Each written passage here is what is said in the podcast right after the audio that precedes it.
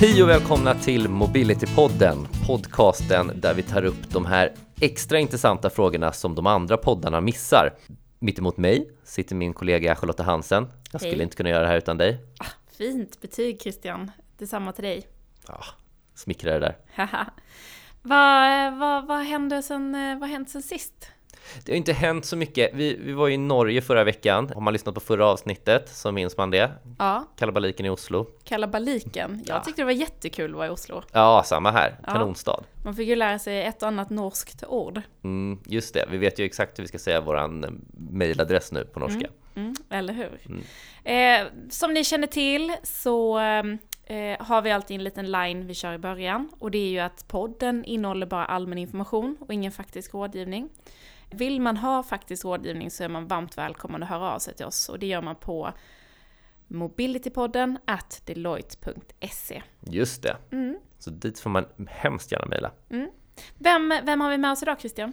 Ja, idag ska vi ju prata om något som är lite speciellt. Vi ska prata om avtal och utsändningar och vad man ska tänka på avtalsrättsligt och arbetsrättsligt när man har personal som flyger omkring i världen.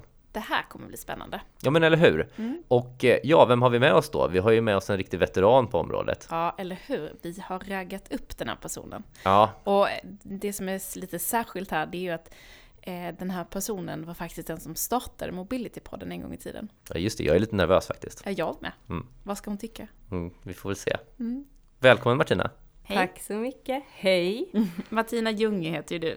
Det stämmer, det heter jag. Mm. Och eh, ja, det stämmer ju också att det var jag och eh, en, en kollega som drog igång det här en gång i tiden. Mm. Eh, Men jag måste säga att även om jag då kanske betraktas som veteran så är det lite nervöst att sitta på den här sidan och vara gäst. Nej, du ska inte vara nervös. Lite det är nervöst för oss också jag tycker jag. tänkte precis säga det. Vad ska hon säga om, om de två som har tagit över rodret? Ja, Mm. Har det ni gör blivit ett pannkaka? fantastiskt jobb alltså. Mm. Ja. Ja. men jätteroligt att vara här. Men berätta lite om dig själv Martina. Mm. Eh, Martina Junge, en bakgrund på Global eh, Employer Services, precis som ni två. Men numera arbetar jag på Deloitte Legal. Och på Deloitte Legal så arbetar vi ju med eh, till exempel M&A, bolagsrätt, arbetsrätt och avtalsrätt. Och vi har ett stort globalt nätverk, precis som ni på Global Employer Services har. Just det, och det är ju lite i den egenskapen att du både har varit på Global Employer Services och nu är på Legal som vi har tänkt att du är ju den ultimata gästen för att prata om det här med avtal när man har personal som reser runt. Ja, härligt, det gör jag gärna. Men Martina, vad är det som du skulle säga är relevant med arbetsrätt när man, när man arbetar med mobility? Ja, arbetsrätten är ju en del av utsändningen och eh, till skillnad då kanske mot skatt och eh, socialförsäkringsfrågor så finns det få eh, internationella avtal och konventioner.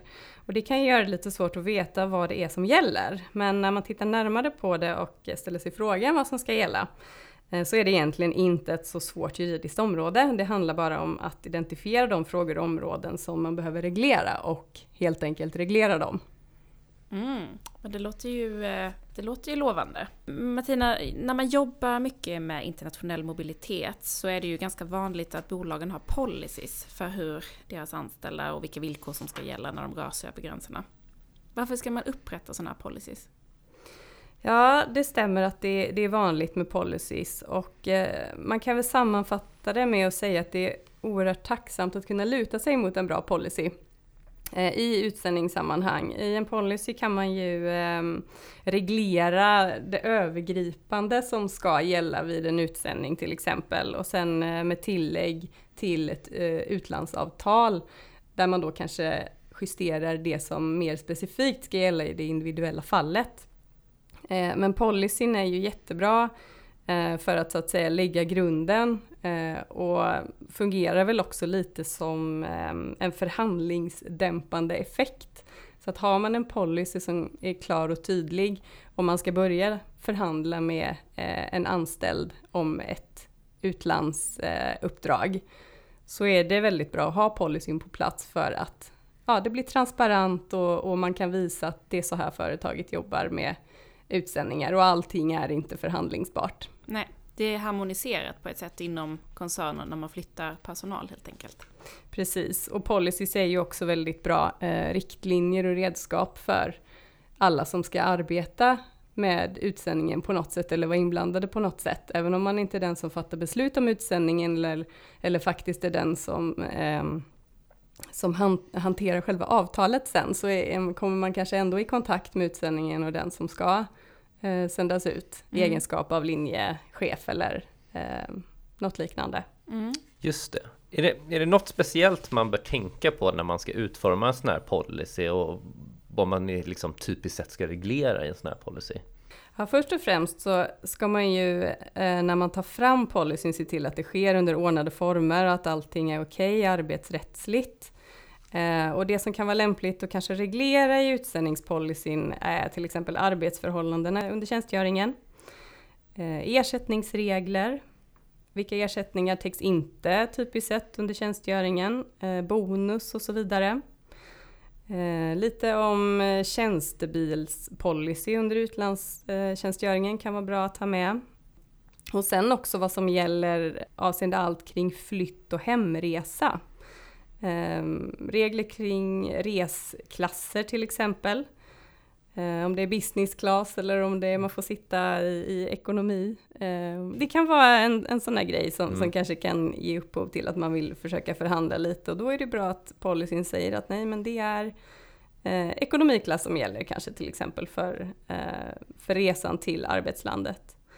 Eh, det är också bra att ha med vad som gäller eh, kring om man vill göra ett besök på arbetsorten. Det är ju inte särskilt ovanligt att man vill det. Man vill åka dit och titta på olika områden och bo i och mm. eh, titta på skolor kanske om man har med sig familj och barn. Och det kan vara bra med regler om man behöver resa hem akut av någon anledning. Eh, bekostar arbetsgivaren typiskt sett det då? Eh, det kan vi väl säga att det ser vi ju ganska ofta i de policies som vi ehm, är med och, och utformar eller som vi tar del av att det är vanligt att man gör, eh, att man ställer upp med, med den typen av ehm, eh, akut hemresa. Det känns ju lite som att det kan vara hur detaljerat som helst egentligen. Det väljer man ju, eh, men eh, har man mycket generella allmänna regler i policyn kring sådana här saker som det ofta uppstår förhandling eller diskussion omkring, eh, då har man ju det att luta sig emot sen. Mm. Mm. Så slipper man göra det på avtalsnivån då med den anställde. Precis. Um, och när vi då kommer in på just avtalet så kan man väl lite sammanfattningsvis säga att det är bra att kanske ha så lite som möjligt i avtalet. Eh, det som man absolut måste reglera i avtalet ska man ha med där. Eh, men har man en bra detaljrik eh, policy så kan man hänvisa till den i avtalet och inte behöva reglera så mycket på avtalsbasis. Men Martina, jag måste få fråga. Eh, om man till exempel har med någonting i avtalet som skulle strida mot vad som står i policyn, vad, vad händer då? Ja, då blir det ju avtalet som gäller före policyn mm. i det fallet. Mm. Då gäller det egentligen att den som sätter ihop det avtalet måste ha väldigt bra koll på vad det faktiskt står i policyn. Absolut, och där är det också viktigt att man inte bara tar en avtalsmall Ehm, och fyller i utan att man verkligen ehm, läser igenom och, och ser till så att man får med allting som man behöver reglera i avtalet. Mm. Men det finns ju också så här, det finns ju väldigt många olika sätt personer jobbar på i, i olika länder. Vi har ju så här tjänsteresor, vi har utsändning och man kan vara lokalanställd i ett, ett annat land eh, jämfört med där man normalt sett bor och arbetar. Hur skiljer det sig mellan dessa när man ska reglera det här eh, liksom avtalsrättsligt? Ja, eh, det som kännetecknar en tjänsteresa Eh, det är ju att man bibehåller ett lokalt anställningsavtal i Sverige. Och man har typiskt sett ingen förändring av anställningsvillkoren när man åker på en tjänsteresa utan man åker inom ramen för sin befintliga anställning och allting är som vanligt det är att man åker mer tillfälligt eh, för att arbeta på en annan ort helt enkelt. Arbetsgivaransvaret finns kvar eh, hos den arbetsgivaren i vars tjänst man åker på tjänsteresan. Och eh, arbetet är ju en del utav det ursprungliga arbetet som man utför eh, i Sverige. Låt säga om det är ifrån Sverige man åker på tjänsteresan. Och det är också arbetsresultatet eh, från tjänsteresan kommer den befintliga arbetsgivaren till godo. Sen nämnde du utsändning. Just det, det är lite annorlunda va? Ja, det kan man väl kanske säga, för då brukar man ju lägga till ett utsändningsavtal just för att reglera att det kanske blir lite andra villkor mm. under utsändningen jämfört med om man bara skulle åka på en tjänsteresa. Och det som man eh, har med i ett utsändningsavtal då kanske det är att man kommer överens om en särskild eh, tjänstgöringsort under en viss eh, förutbestämd tid. Och det brukar också finnas särskilda överenskommelser om lön, bostad och så vidare. Och det kan också vara så att man ska ha en eh, lokal löneutbetalning under den här tiden. Och sen finns det ju en tredje variant kan man väl säga och eh, då talar man ju inte om en utsändning överhuvudtaget egentligen utan då har man en lokalanställning i utlandet. Eh, dock ska jag eh, säga att man kan vara utsänd och ändå ha ett lokalt anställningsavtal i utlandet på grund av legala krav i det mottagande landet. Mm. Så att det, det utesluter inte att man kan vara utsänd, men, men om man bara har ett lokalt anställningsavtal i utlandet, då är man inte utsänd um, i, i den meningen.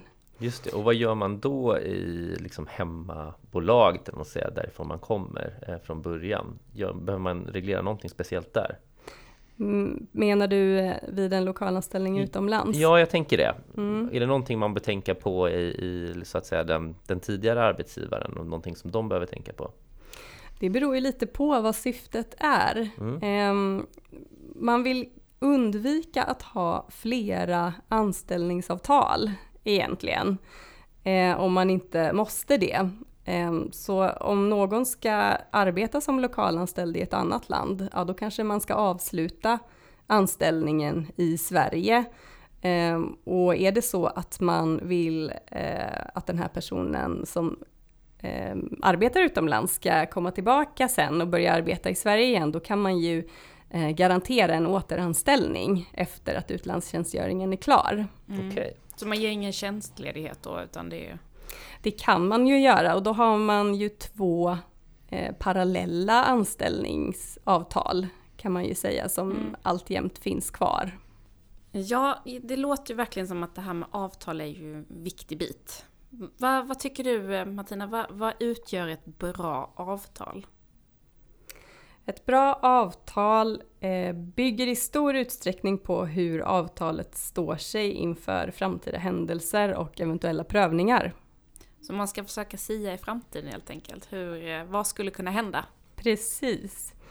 Eh, och ett tips eh, kan vara att fokusera på de verkliga förutsättningarna och inte så mycket på juridiken. Det handlar om att eliminera oklarheter. Särskilt från arbetsgivarens perspektiv ska vi säga för att är det oklart i ett avtal så tolkas det till nackdel för arbetsgivaren. Så att det, särskilt viktigt från arbetsgivarperspektiv att det är tydligt vad som gäller och vem som har skyldigheter och rättigheter gentemot vem. Mm. Av, den, ja, av den anledningen ska man också undvika trepartsavtal om man kan. Mm. Just mm, med anledningen att det är lite svårare där att få tydlighet i vem som har vilket ansvar. Mm. Vi ser ju ganska många som faktiskt använder sig av trepartsavtal just. Mm. Eh, men det är ingenting att rekommendera, sa du?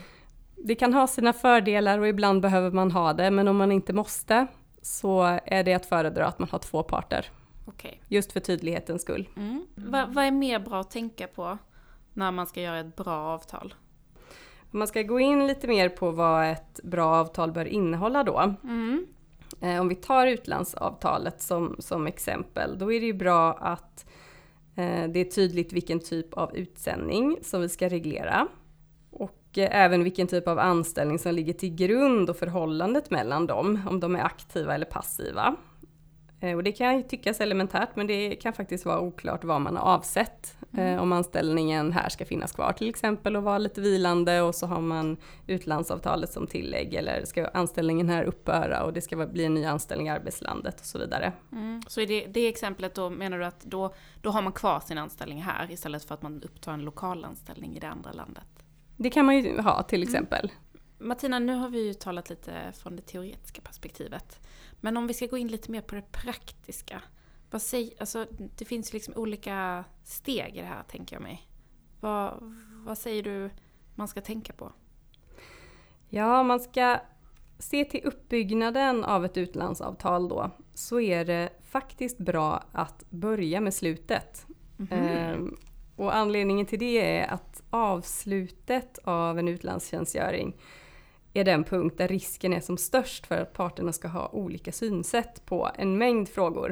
Okej, Okej. är det för att man då har kommit hem eller ska komma hem och det kanske inte har blivit så som man har tänkt sig? Ja, absolut. Eh, Så kan det vara. Och det kan också vara så att utsändningen ska avslutas i förtid Mhm. av olika anledningar. Mm. Ehm, Det kan till exempel vara så att ehm, utsändningen måste hävas Okej. på grund av att något drastiskt har hänt. Det kanske inträffar en oförutsedd personlig händelse för den som är utsänd. Någon blir sjuk, nära anhörig hemma till exempel. Mm. Eller förändrade familjeförhållanden som omöjliggör utlandstjänsten. Eller något fysiskt, psykiskt förhinder av något slag. Okej. Eh, Det kan också vara att det blir lokala oroligheter i landet eller naturkatastrof eller något liknande eller en verksamhet som läggs ner. Så man ska tänka lite så worst case scenario liksom när man utformar de här avtalen på något sätt. Det kan vara bra, eh, kanske också lite beroende på ehm, vilken verksamhet man skickar en person till. Mm. Men det är absolut bra att ha eh, i åtanke och ha med. Sen kan det vara så att det av andra skäl eh, är motiverat att avsluta utsändningen eh, i förtid. Eh, man, då kan man ju ha en uppsägningstid eh, vid ett sådant avslut. Eh, eller så har man en bestämmelse som, som säger att man inte ska ha någon uppsägningstid.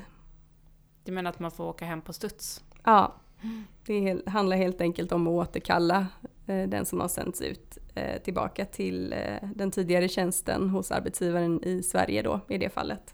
Där kan jag ju tänka mig att det är ganska viktigt att reglera för många gånger med man med familjen och sin partner och kanske barn som går i skola och så vidare och då är det kanske inte så lätt att bara rycka upp och flytta tillbaks.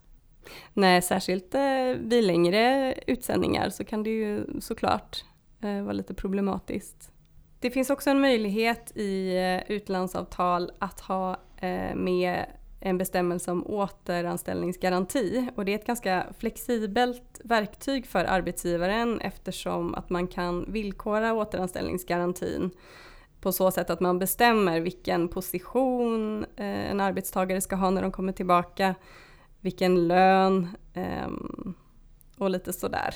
Ja, det förstår man ju verkligen att det är viktigt för eh, den anställda att veta. Ja, Att man har en trygghet när man åker ut. Ja men precis. Um, om du får ett erbjudande om en, en utlandstjänst så kanske du är mer benägen att tacka ja antingen om du får behålla din anställning i Sverige under tiden som sätts lite på paus eh, alternativt om du får en återanställningsgaranti från din arbetsgivare. Mm. Jag kan tänka för egen del, hade jag fått ett utlandsarbete eller förslag om ett sådant så hade jag ju inte kastat mig ut om jag inte visste att mitt, mitt jobb där hemma är kvar. Och speciellt inte om det är lite för kortare perioder och så.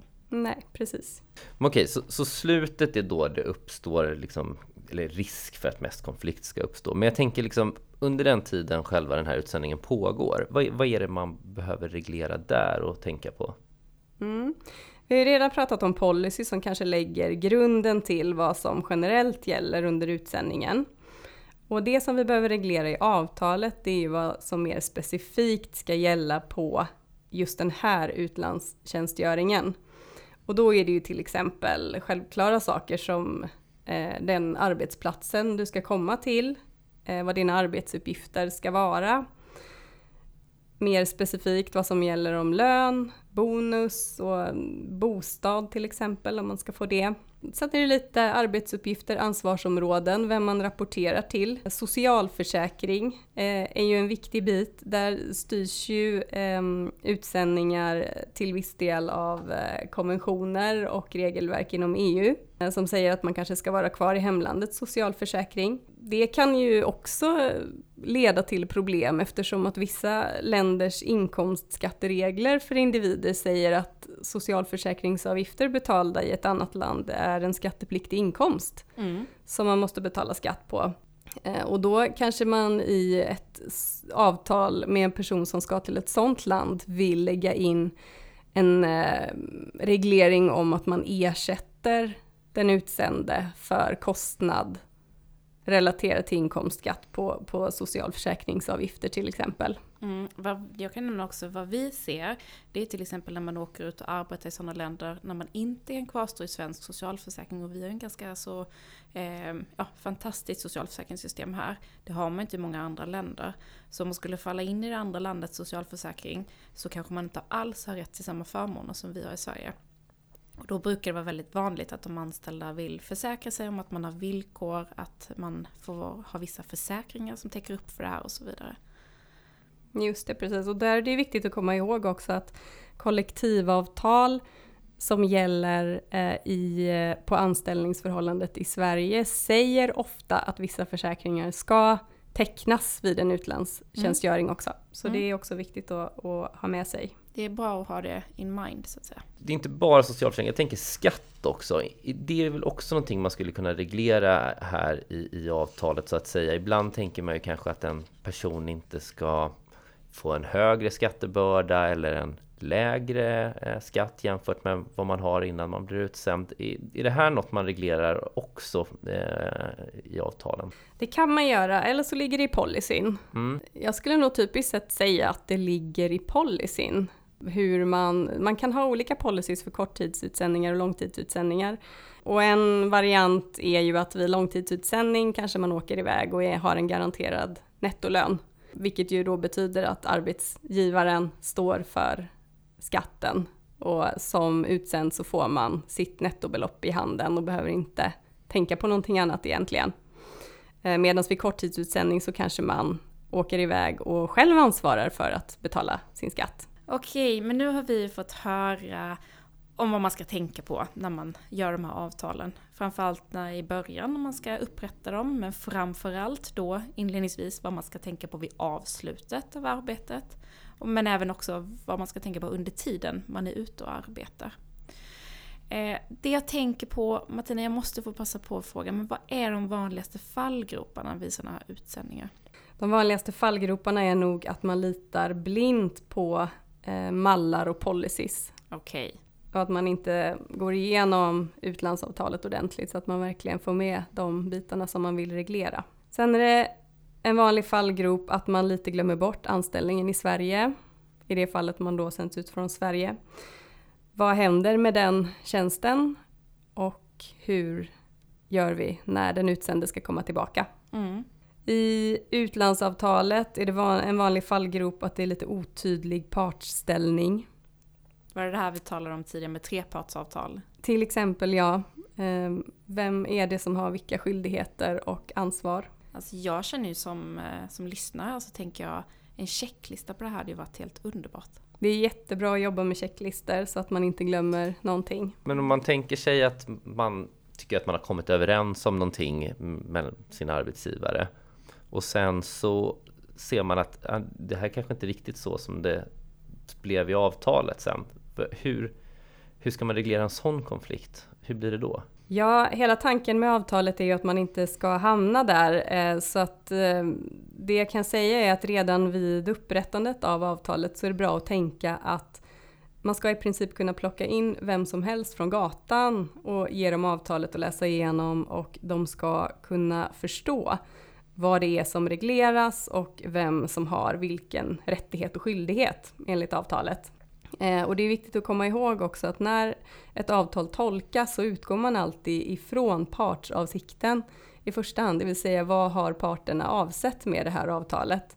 Eh, och sen tittar man på ordalydelsen. Så att var väldigt tydlig med avsikten för avtalet.